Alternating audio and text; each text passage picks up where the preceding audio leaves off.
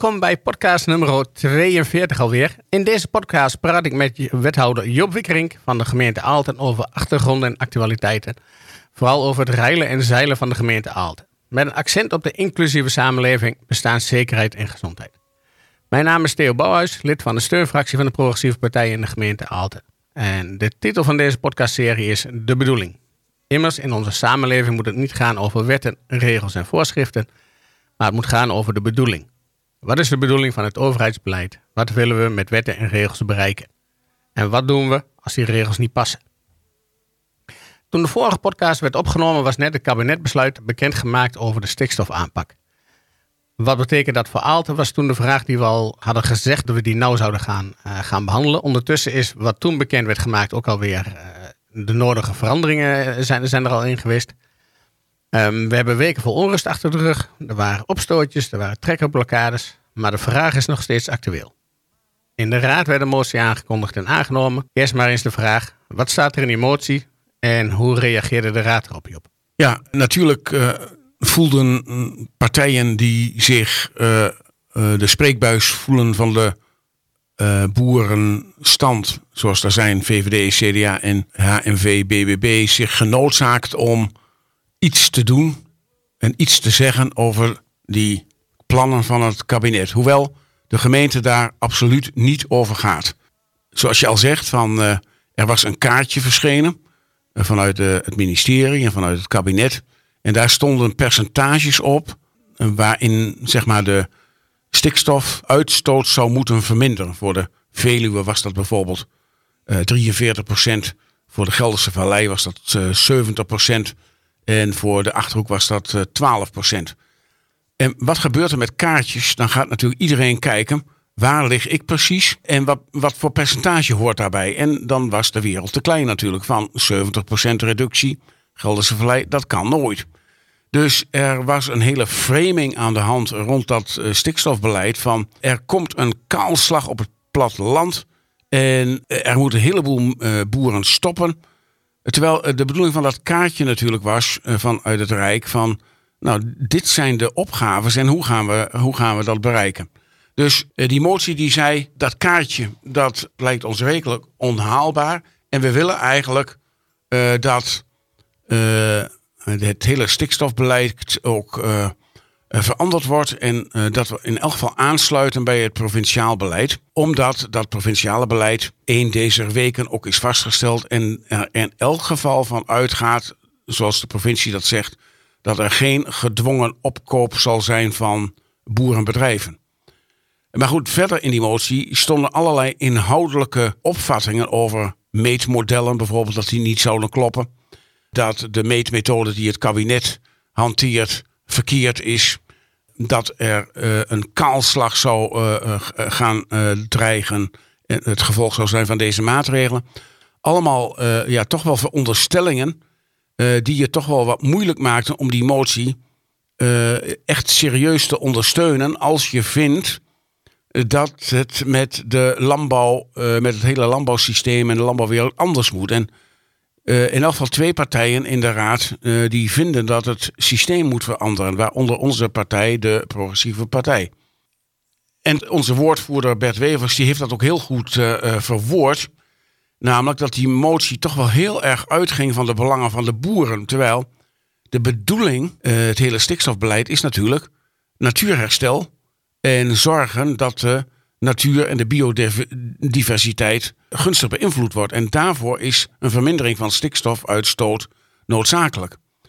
Daar ja, in, bij, bij de eerste maatregelen werd volgens mij ook aangegeven dat er gestreefd ging worden naar een, een bepaald soort uh, compensatie. Of dat er ook maatregelen zouden komen om te zorgen dat de, de boeren zichzelf ja.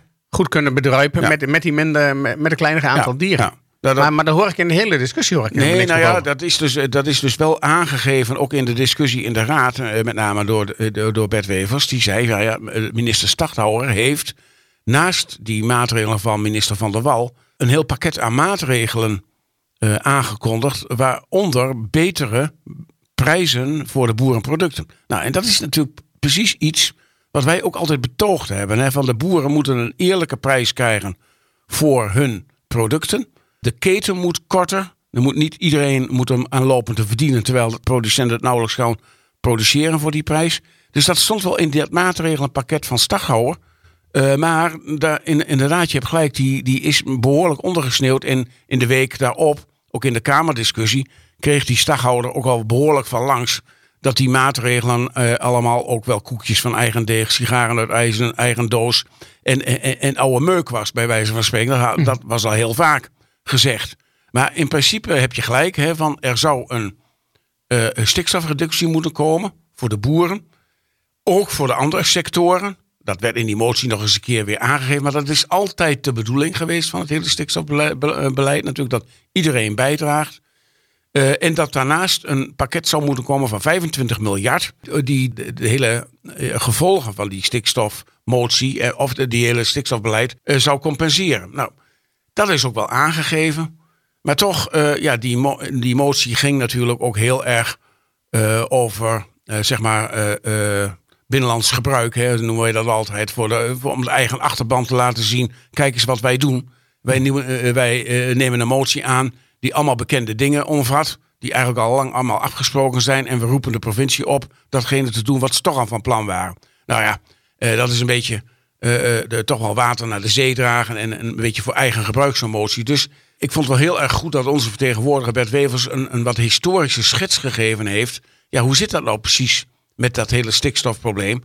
En uh, ja, we kunnen nu wel heel hard schreeuwen, maar het was al 40 jaar bekend dat dit aan de orde was. En dat er langzamerhand dus niet meer aan te ontkomen is dat er maatregelen genomen worden. Nou, dat zeggen zelfs CDA en VVD natuurlijk in Den Haag. Vandaar dat ze het erg moeilijk hebben met hun achterban. Er moet nu ingegrepen worden. Er moeten nu maatregelen komen. We moeten ophouden met het zoeken van geitenpaadjes, zoals dat heet bijvoorbeeld zo'n paswetgeving die uh, de, de, boeren de, de, gelegenheid gaf om uit te breiden. Uh, als ze zeg maar konden aangeven dat ze in de toekomst misschien maatregelen zouden nemen om die stikstof uh, te verminderen. Ja, nou, wat, dat, wat, dat, allemaal... wat, wat, dat betreft is het ook echt zachte heelmeesters maken stinkende wonden volgens mij. Want het is al jaren, is er, zijn er van wat je noemt geitenpaard zijn uitgeknobbeld om toch met dingen door te kunnen gaan. Als we uh, destijds betere maatregelen hadden genomen, zaten we nou niet in deze ellende. Precies. En, en nou ja, in, in die hele historische schets zie je ook duidelijk, en er zijn ook heel veel artikelen over verschenen inmiddels, dat er grotere partijen zijn die er belang bij hebben om dit systeem in stand te houden. Veevoerfabrikanten, banken en, en bijvoorbeeld zuivelgiganten en slachterijen.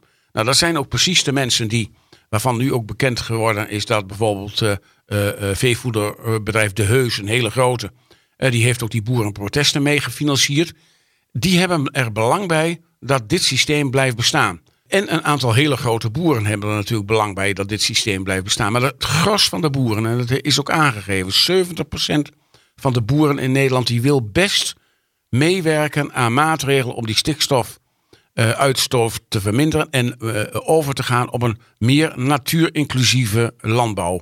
Of uh, dat hoeft niet meteen biologisch te zijn, maar meer natuurinclusief. Dus er is onder die boeren een bereidheid om te veranderen, maar het wordt tegengehouden door de grotere lobby van veevoederfabrikanten, banken en slachterijen.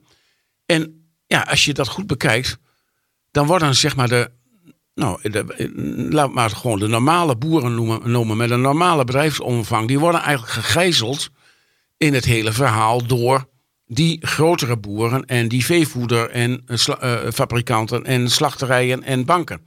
Ja, ik moet zeggen, ze zijn toch eigenlijk al gegijzeld. Want de, omdat ze tot nu toe steeds in, in, in het riedeltje meer moesten zitten, ze al hoog in de schulden, hebben ze kleine rendementen. Ja.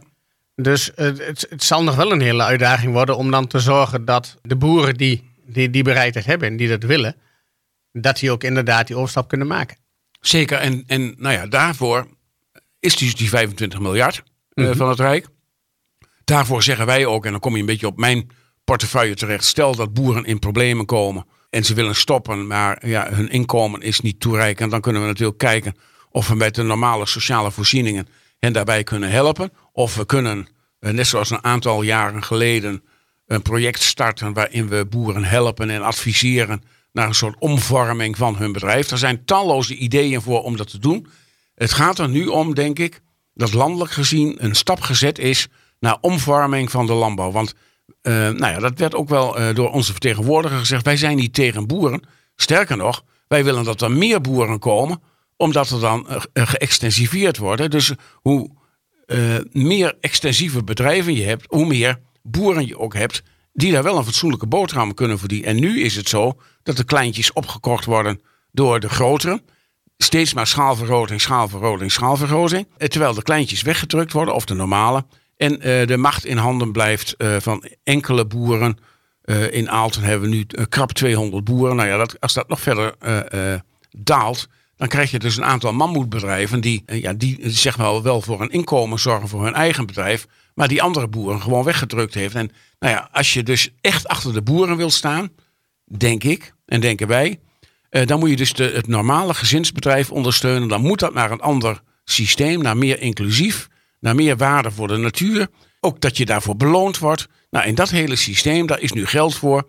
En ik zou de boeren echt willen aanraden, pak dat geld en pak dat, uh, die uitdaging om te veranderen. En loop niet steeds maar uh, uh, met, met je hakken in het zand en, en voer geen achterhoedegevechten van dat het nodig is dat we andere dingen gaan doen. Dat is heel erg duidelijk.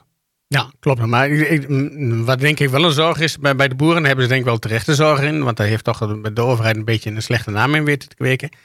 Op het moment dat die, uh, die 25 miljard steun uh, komt om te zorgen dat ze wel een goed bestaan kunnen opbouwen met, uh, met een kleinere veestapel.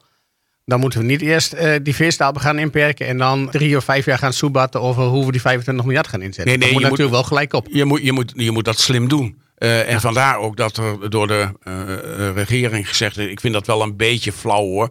Dat ze gezegd nou de provincies mogen het uitzoeken. Dus nou krijg je toch weer dat in Friesland misschien wel een ander beleid gevoerd wordt dan in Gelderland. Ja, ze zeggen wel, ja, die doelstellingen van die percentages die, schijn, die staan overeind. Voor het hele land moet er dan in 2030 zoveel procent reductie zijn. maar hoe je dat dan precies doet, dan mag je dan per provincie uitzoeken. Dus de problemen en de spanningen die worden naar de provincie uh, geschoven.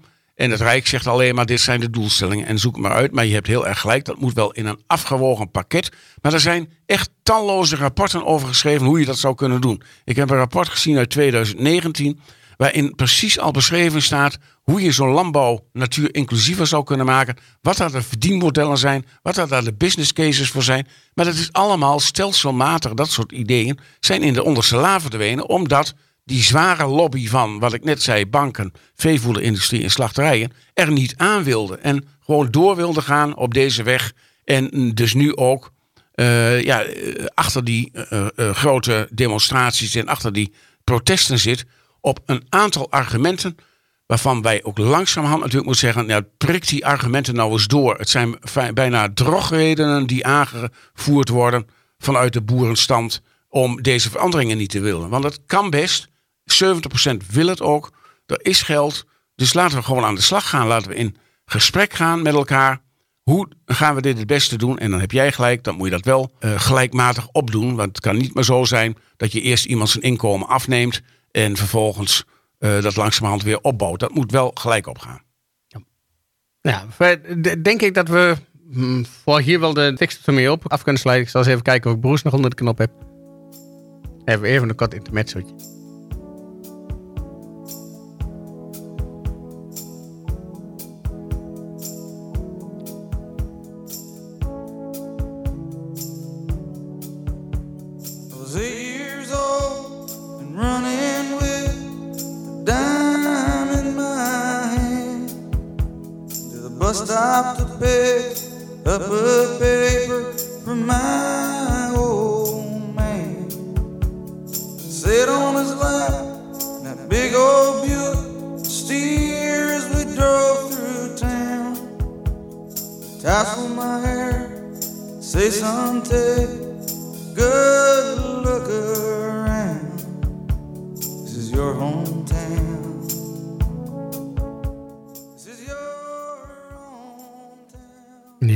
Woordje Your Hometown vind ik dat ik hem weer even iets, iets mag, eh, zachter mag zetten.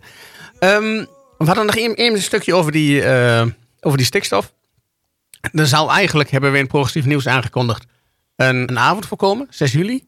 Ja, en, eh, want dat is ook wat ik net zei. Laten we nou met elkaar in gesprek gaan en kijken van hoe we nou precies zeg maar, kunnen streven naar die natuurinclusieve landbouw en die stikstofreductie kunnen bereiken. En er zijn alle mensen en alle gedachten voor nodig. We hadden een aantal mensen uitgenodigd om daar een soort eh, eh, studieavond voor te, organi- eh, of te houden. Onder andere boer John Arink uit Lievelde, die een biologisch bedrijf heeft. Wel bekend, ook pas nog op tv. En iemand van proefboerderij De Marken, die bezig is met allerlei methoden op landbouwgebied om andere manieren van teelt, andere manieren van eh, eh, eh, veehouden ook te propageren. En de ketens ook te verkorten. Ook gesteund door Wageningen en, en ook door de boerenorganisaties. Dus heel interessant allemaal. En dan hadden we ook nog iemand gevraagd die eh, erg veel weet van stikstof. Maar we konden die drie toch niet tegelijkertijd bij elkaar krijgen. Dus we hebben besloten, ook gezien de vakanties, om eh, dat maar na de vakantie te tillen. Maar bedoeling is dus dat we niet alleen maar kreten roepen. eh, en dat we niet alleen maar drogredenen de wereld inslingeren. Maar dat we serieus met elkaar kijken. Hoe vormen we die landbouw nou om naar een natuurinclusieve landbouw?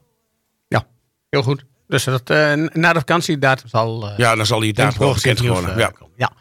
Ander dingetje waar we even aandacht voor moeten hebben, want daar hebben we de, afgelopen paar, paar keer ook al over gehad. Maar de, de inclusieve samenleving is natuurlijk ook een kern, kernwaarde van, van de PP.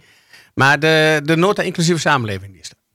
Ja, die is in de raad behandeld. eh, en dan zie je dat eigenlijk de hele raad blij is met zo'n nota, zo'n startnotitie.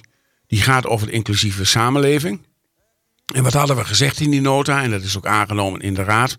Die startnotitie die zegt eigenlijk laten we nou samen met de mensen die het betreft, ervaringsdeskundigen, acties gaan ondernemen en gaan ontwerpen eh, die die inclusieve samenleving stukje bij beetje eh, bij elkaar brengt. Nou, daar, daar was de hele raad het ook over eens.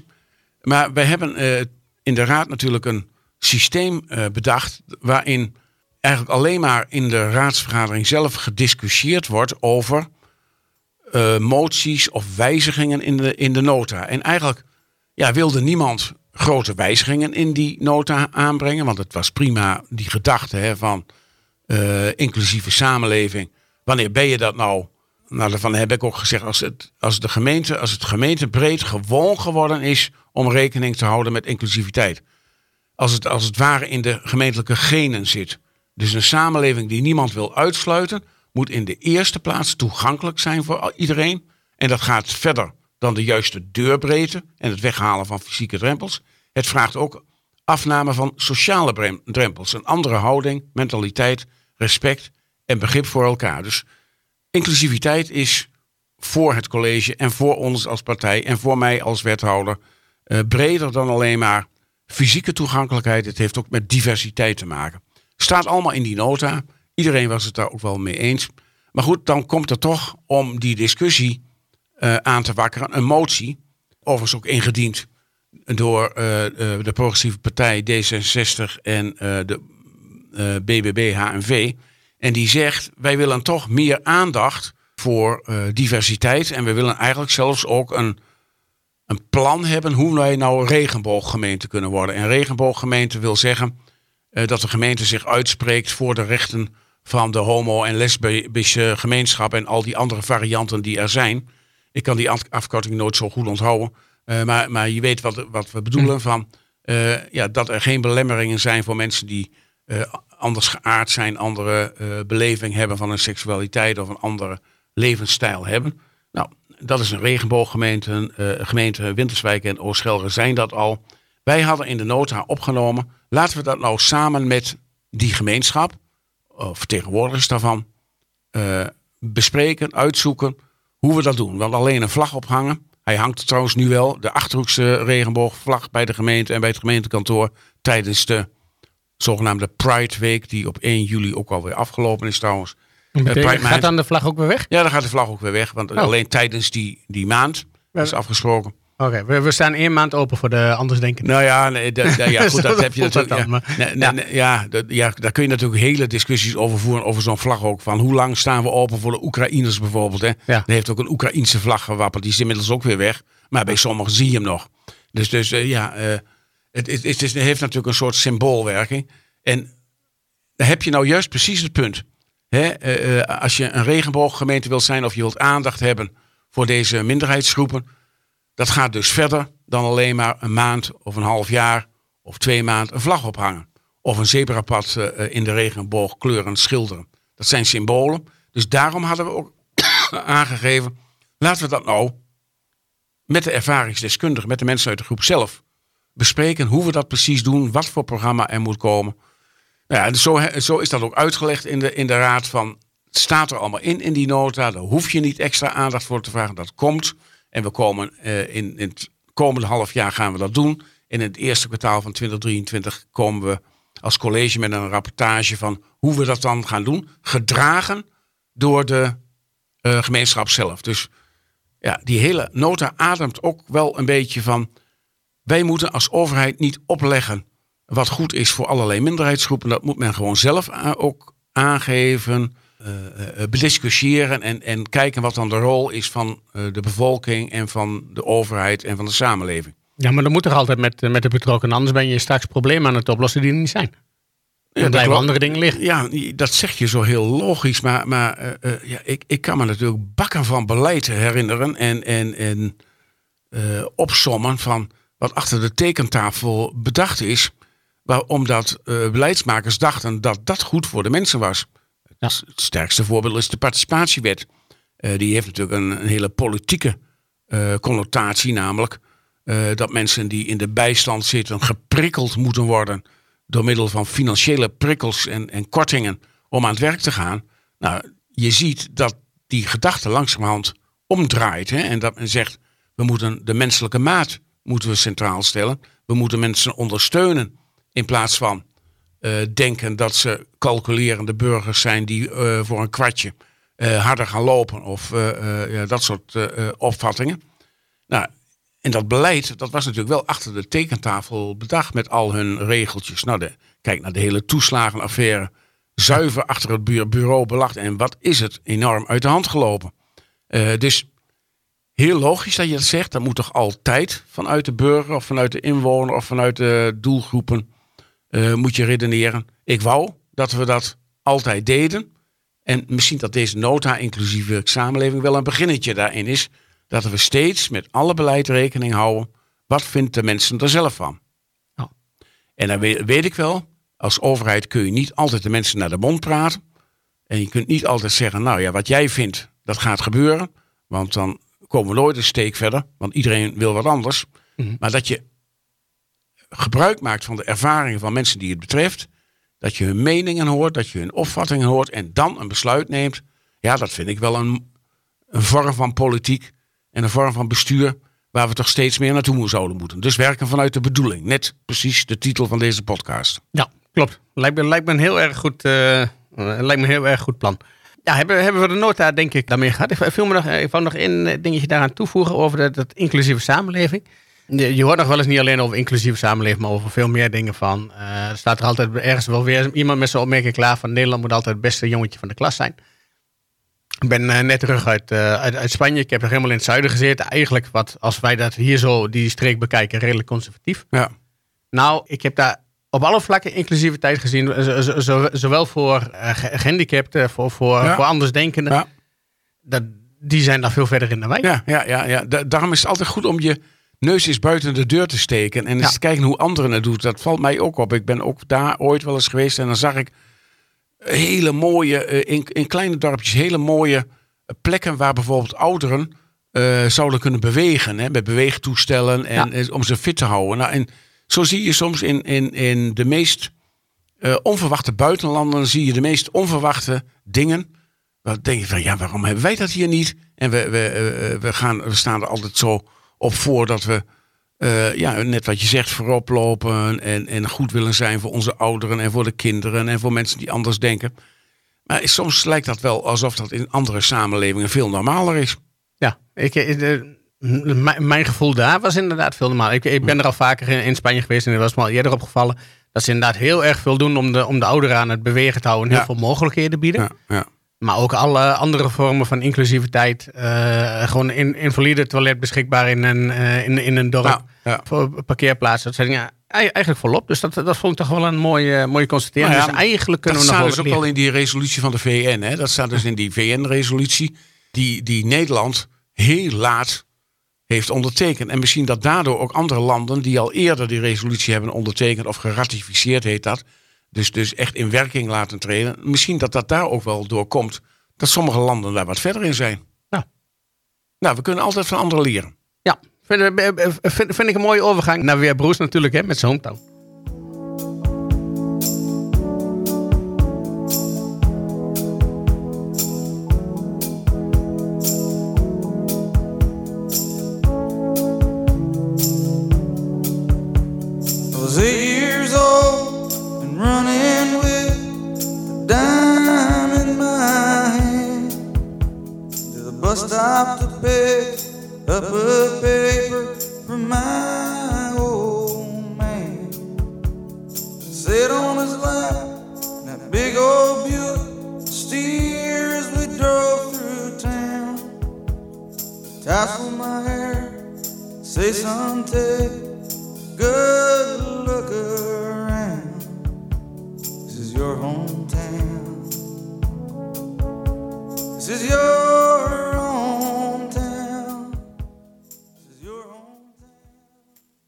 Ja, hometown. Nou, bij, bij ons in de, in de hometown, daar was afgelopen weekend eh 25 jaar eh Farm and Country Fair.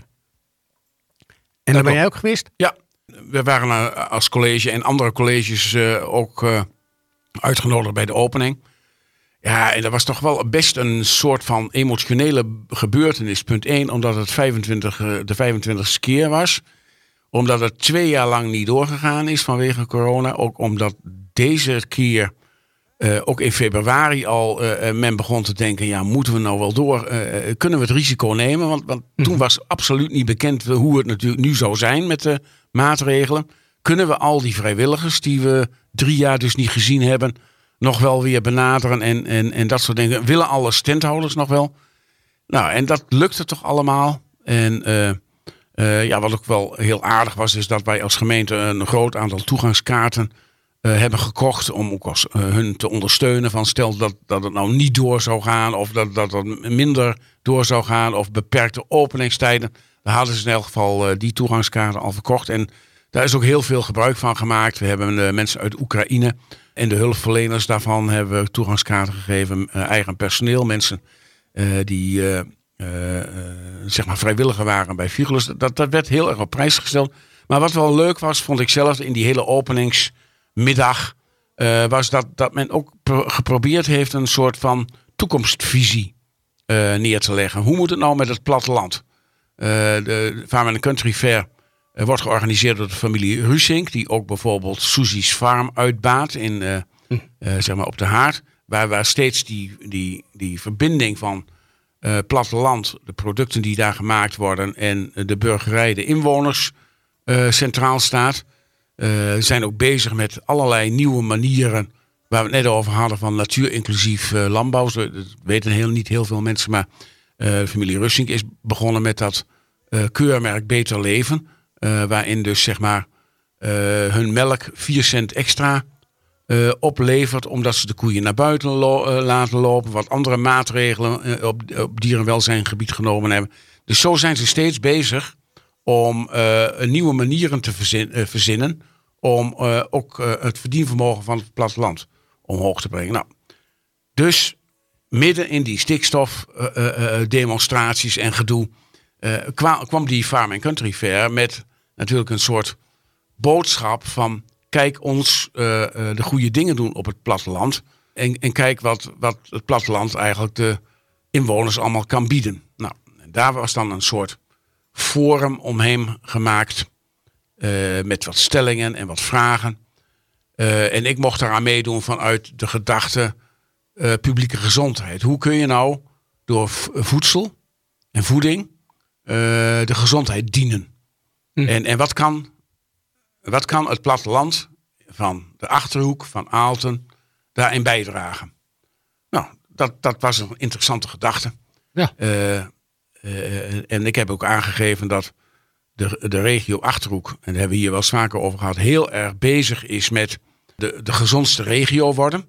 En, en ja, hoe, hoe kun je nou gezond worden en gezond blijven? Dat is heel erg aan leefstijlbevordering te doen. En aan eh, het goede voeding. Aan voldoende bewegen, waar we het net over hadden. Aan ja, dus je hele consumptiepatroon tegen het licht te houden. En, in elk geval een goede, de goede voeding te nemen. Nou, en daar heb je, dat is een schot voor open doel natuurlijk voor ons plattelandse eh, eh, leven. Want er zijn talloze projecten, ook in de Achterhoek, die juist die goede voeding willen promoten. En dan eh, de goede voeding van het eigen land. Dus niet dat je dispersieboontjes uit Kenia haalt.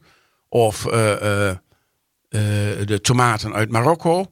Maar dat je probeert zo lokaal mogelijk te produceren. En misschien is er dan wel eens een keer een komkommer wat krom. In plaats van eh, eh, een mooie vorm. Of is er een courgette wat eh, puisterig in plaats van een lekker glad. Maar dat je dus dat regionale, die regionale productie promoot. En vanuit een gedachte, regionale voedsel, regionaal verbouwd voedsel, is ook gezond voedsel. Dan moet je dat natuurlijk wel doen. Hè? Niet te veel pesticiden gebruiken. Nee. Nou ja, wat, wat dan de familie Rusing bijvoorbeeld doet met dat keurmerk. En zo zijn ze nog wel met mede meer eh, projecten bezig. Voor bijvoorbeeld van, van eh, kop tot kont. Dat is een, een Nel Schellekens. ja, van Nels Ja. Schellekens, die dus alles van een os, waar de os die, die vroeger een beetje, waar een beetje op, op, op neergekeken werd en, en, en ook, ook snel afgevoerd werd, maar nu ook zelfs opgefokt wordt daar. En eh, ja, dus van kop tot kont alles gebruikt wordt eh, voor de voedsel. En dat wel op een hele gezonde manier. Nou ja, goed, je kunt zeggen, je moet minder vlees eten, maar als wanneer eh, het stukje vlees natuurlijk zo, zo bereid is en een os zo'n goed leven gehad heeft, dan ben je al heel wat verder dan de grote bio-industrie. Nou, nou, nou, dat, dat heb ik benadrukt, dat de regio Achterhoek dat ook zeer belangrijk vindt. En dan heb je een tweede mogelijkheid natuurlijk, al die projecten wat aan elkaar geknoopt worden, en dat gebeurt ook al met een groot aantal projecten. En dan heb je natuurlijk een pracht van een toeristische eh, trekpleister. En, en nou ja, dat zie je natuurlijk ook steeds meer op het platteland. Hè? Stalletjes, eh, ijsboerderijen, kaasboerderijen, vleesboerderijen, waar, waar de consument direct eh, terecht kan om het daar geproduceerde voedsel te kopen. En dat is natuurlijk wat we willen. Korte ketens, eh, direct van de boer, gezond, weten waar het vandaan komt. En daarmee trek je volgens mij ook wel toeristen. Ja, ja, nou ja, ik, ben pas bij, die, eh, bij zo'n informatieavond geweest van, de, van, van Achterhoek. Toerisme. eh, Oh ja, eh, Achterhoek ja. toerisme. Ja. Mm, Daar kwam dat ook heel duidelijk naar voren toe. Dat je als, eh, als Achterhoek moet je een bepaalde beleving eh, Ja. moet je uitdragen. Ja. En ehm, toeristen vinden dat heel erg leuk dat ze dan streekproducten kunnen hebben. Ja, dat hebben wij denk ik zelf ook. Tenminste, ik heb dat wel. Als ik ergens anders kom. Of Ik, ben daar nou in Spanje geweest. Dan wil ik ook gewoon, eh, ik wil een Spaans biertje. Ik wil Ja. Spaans eten. Ik wil een Spaans gerecht. Ja. Dan ga, dan ga ik geen, eh, geen pizza eten met een, met een, eh, met, Nee. met een Hollands biermerk. Ja. Maar dan, dan, dan wil ik ook die dingen van de streek. En dat, dat gebeurt deze kant dus ook. En dat vind ik wel heel mooi om te zien dat dat ook steeds meer komt. Komt steeds meer, ook in de supermarkten zie je aparte hoekjes met streekproducten. Nou ja, je hebt bijvoorbeeld heel veel landwinkels heb je tegenwoordig waar... eh, ook in Susie's Farm, waar ik het net over heb, een hele grote winkel met... Ja, daar kun je dan ook wel sinaasappels kopen. Die zijn echt hier niet... eh, eh, Nee, die- die komen hier niet vandaan. Die zitten Nee, hier niet aan de boom. Maar ja, je moet natuurlijk ook in, in zo'n winkel een soort assortiment hebben van groente en fruit. Waar je in één keer je boodschappen op groente en fruitgebied kunnen doen. Maar het grootste gros komt daar dus van de eigen boerderij. En ook eigen gemaakte jam, eigen gemaakte producten. En ik denk dat we die kant op moeten. En dat inderdaad ook goed, wat jij ook zegt, toeristisch uitventen. En zeggen, kijk, Ja. je kunt hier fietsroutes maken langs eh, boerderijen waar je jam kunt kopen of wat dan ook. Je kunt hier eh, B&B's eh, heb je op boerderijen waar je mee kunt, kunt zien hoe de spullen geproduceerd worden. En dan weet ik wel, elke boer die kan geen minicamping hebben en elke boer die kan geen jammakerij hebben. Maar het gaat ook over de gedachte dat dat regionaal geproduceerde voedsel dus ook hier blijft en hier gebruikt wordt. En niet alleen maar voor de bulk-export ge- eh, geproduceerd wordt. Ja, en dat, dat zie ik wel als een soort eh, toekomst van het platteland. En dan is zo'n farm en country fair natuurlijk een mooie, eh, mooie reclamemiddel van wat er allemaal is. Hè? Want je zag de meest vreemde dingen natuurlijk. Dingen waar ik nooit van gehoord had. En, en veerassen en schapenrassen en dat soort dingen. Waar je nooit eerder gezien had. Maar het, het, het, een beetje naar voorbeeld van de Engelse vers ook natuurlijk. Ik ben er zelf ook eens een keer geweest. Daar hadden ze zelfs wedstrijdjes in wie de mooiste komkommeren had. Of wie de mooiste schaaltje eieren had.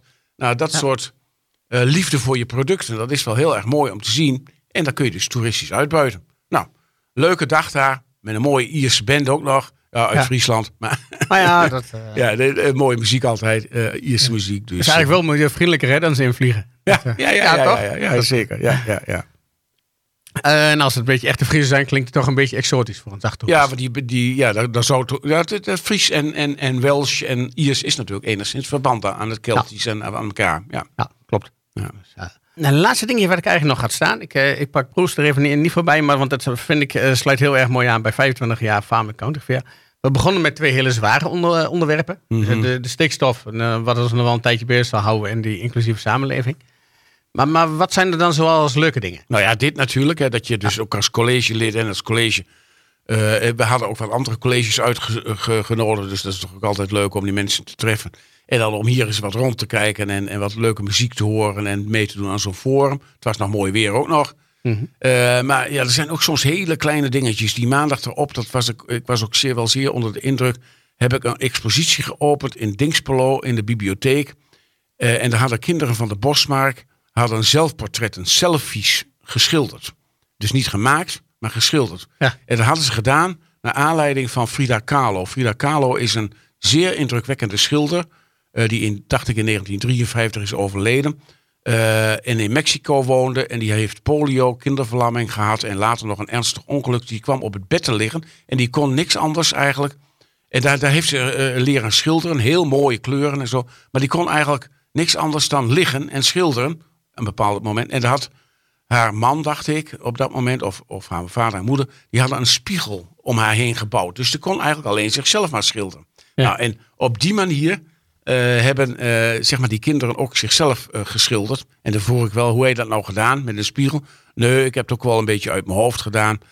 Maar daardoor kregen zij dus op een hele speelse manier een inkijkje in het leven van die Frida Kahlo. Nou, en daar kun je nog wel een avondvullend programma over brengen. Want het is een zeer indrukwekkende vrouw geweest, ook op het gebied van vrouwenemancipatie en op het gebied van eh, gelijke rechten. Heeft ze heel veel betekend in eh, Mexico en in Amerika. En dat hebben al die kinderen dus geleerd. En uiteindelijk was er dus een selfie wat ze maakten, geschilderd hebben. Dat werd dan in de bibliotheek tentoongesteld. En wat wel heel erg leuk was, ze moesten hun eigen zelfportretje opzoeken. Nou, dat was soms nog een hele zoektocht. en nou, nou, dit zijn dus leuke dingen dat je dus ziet. Kinderen zijn bezig met iets, ook wel eens die inclusieve samenleving weer, hè, eh, vrouwenrechten en dergelijke. Eh, en dat doen ze op een speelse manier. En ze zijn nog trots ook dat ze eh, een mooi eh, zelfportret hebben gemaakt. En verder zijn er nog heel veel eh, leuke dingen. Deze week was bijvoorbeeld het VNG-congres. Daar kunnen we nog wel eens een andere keer over hebben. De VNG is de Vereniging Nederlandse Gemeenten. En daar zit je met 2500 burgemeesters, wethouders en raadsleden in een snikhete ijshal nog wel eh, in Hoorn. En daar worden dan allemaal interessante verhalen verteld over waar de gemeenten heen moeten en heen gaan. Nou, dat vond ik zelf ook altijd interessant. Plus dat je natuurlijk ook heel veel bekende mensen ziet. En ja, dat zijn ook wel de leuke dingen, zeg maar, eh, van juist gemeentebesturen. Van betrokken zijn bij je gemeente en, eh, en, en ja, van de publieke zaak. Dus ernstig soms, moeilijke onderwerpen soms, maar soms ook hele leuke onderwerpen. Ja, oh, En- leuk. En dat gebeurt allemaal in onze hometown. Ja, nou ja, ik, eh, ik, stel voor dat we er gewoon een vast item van maken. Dat we de podcast, want we zijn een beetje aan het eind van de podcast, dat we die eindigen met een paar leuke dingen die zijn Ja, geweest. ja, ja om, en, en eh, ik- wat mij betreft wel wat inspirerende dingen. Van eh, denken mensen, hé, hey, zo'n selfie maken, leuk. Dat ga ik eens- ook eens met mijn kinderen doen. Ja, over eh, leuke dingen om te doen. Meteen ook, eh, ook een beetje activiteit. Nou, goed voor het bewegen ook. De zomerexcursies van de PP. Ja. Is daar iets over bekend? Nee, nee, er zou, er zou een vergaderingje over zijn van twee bestuursleden. Maar had die ene bestuurslid, die kon niet, want hij had het in zijn rug. Dus dat- Oké. dan kun je moeilijk fietsen. Maar ja, ja nee, dat, dat komt volgende keer wel. Kunnen we wel even aangeven, denk ik, eh, eh, wat het programma in juli en augustus is van de zomerexcursies. Maar het zal ongetwijfeld weer naar het buitengebied gaan. Naar eh, boerenbedrijven, naar interessante bestemmingen waar je ook wat kunt leren. Ja, nou ja, ik, eh, ik, ik ben verschillende keren mee geweest. Eigenlijk voor, voor, voordat ik eh, eh, bij de fractie betrokken raakte. Ik vond het altijd weer interessant. Dus ik, eh, Ja. ik raad het nou wel Het mensen. lijkt wel een beetje op Spanje. Gewoon, daar kun je ook wel dingen zien die heel interessant zijn. En dat kun je hier dichtbij ook. Ja, klopt. En er gebeuren hier hele mooie dingen. Dus Zeker. dat moeten we laten zien. Ja. Dus, Oké, nou, sluit hem af. Tot de volgende keer. tot de volgende keer.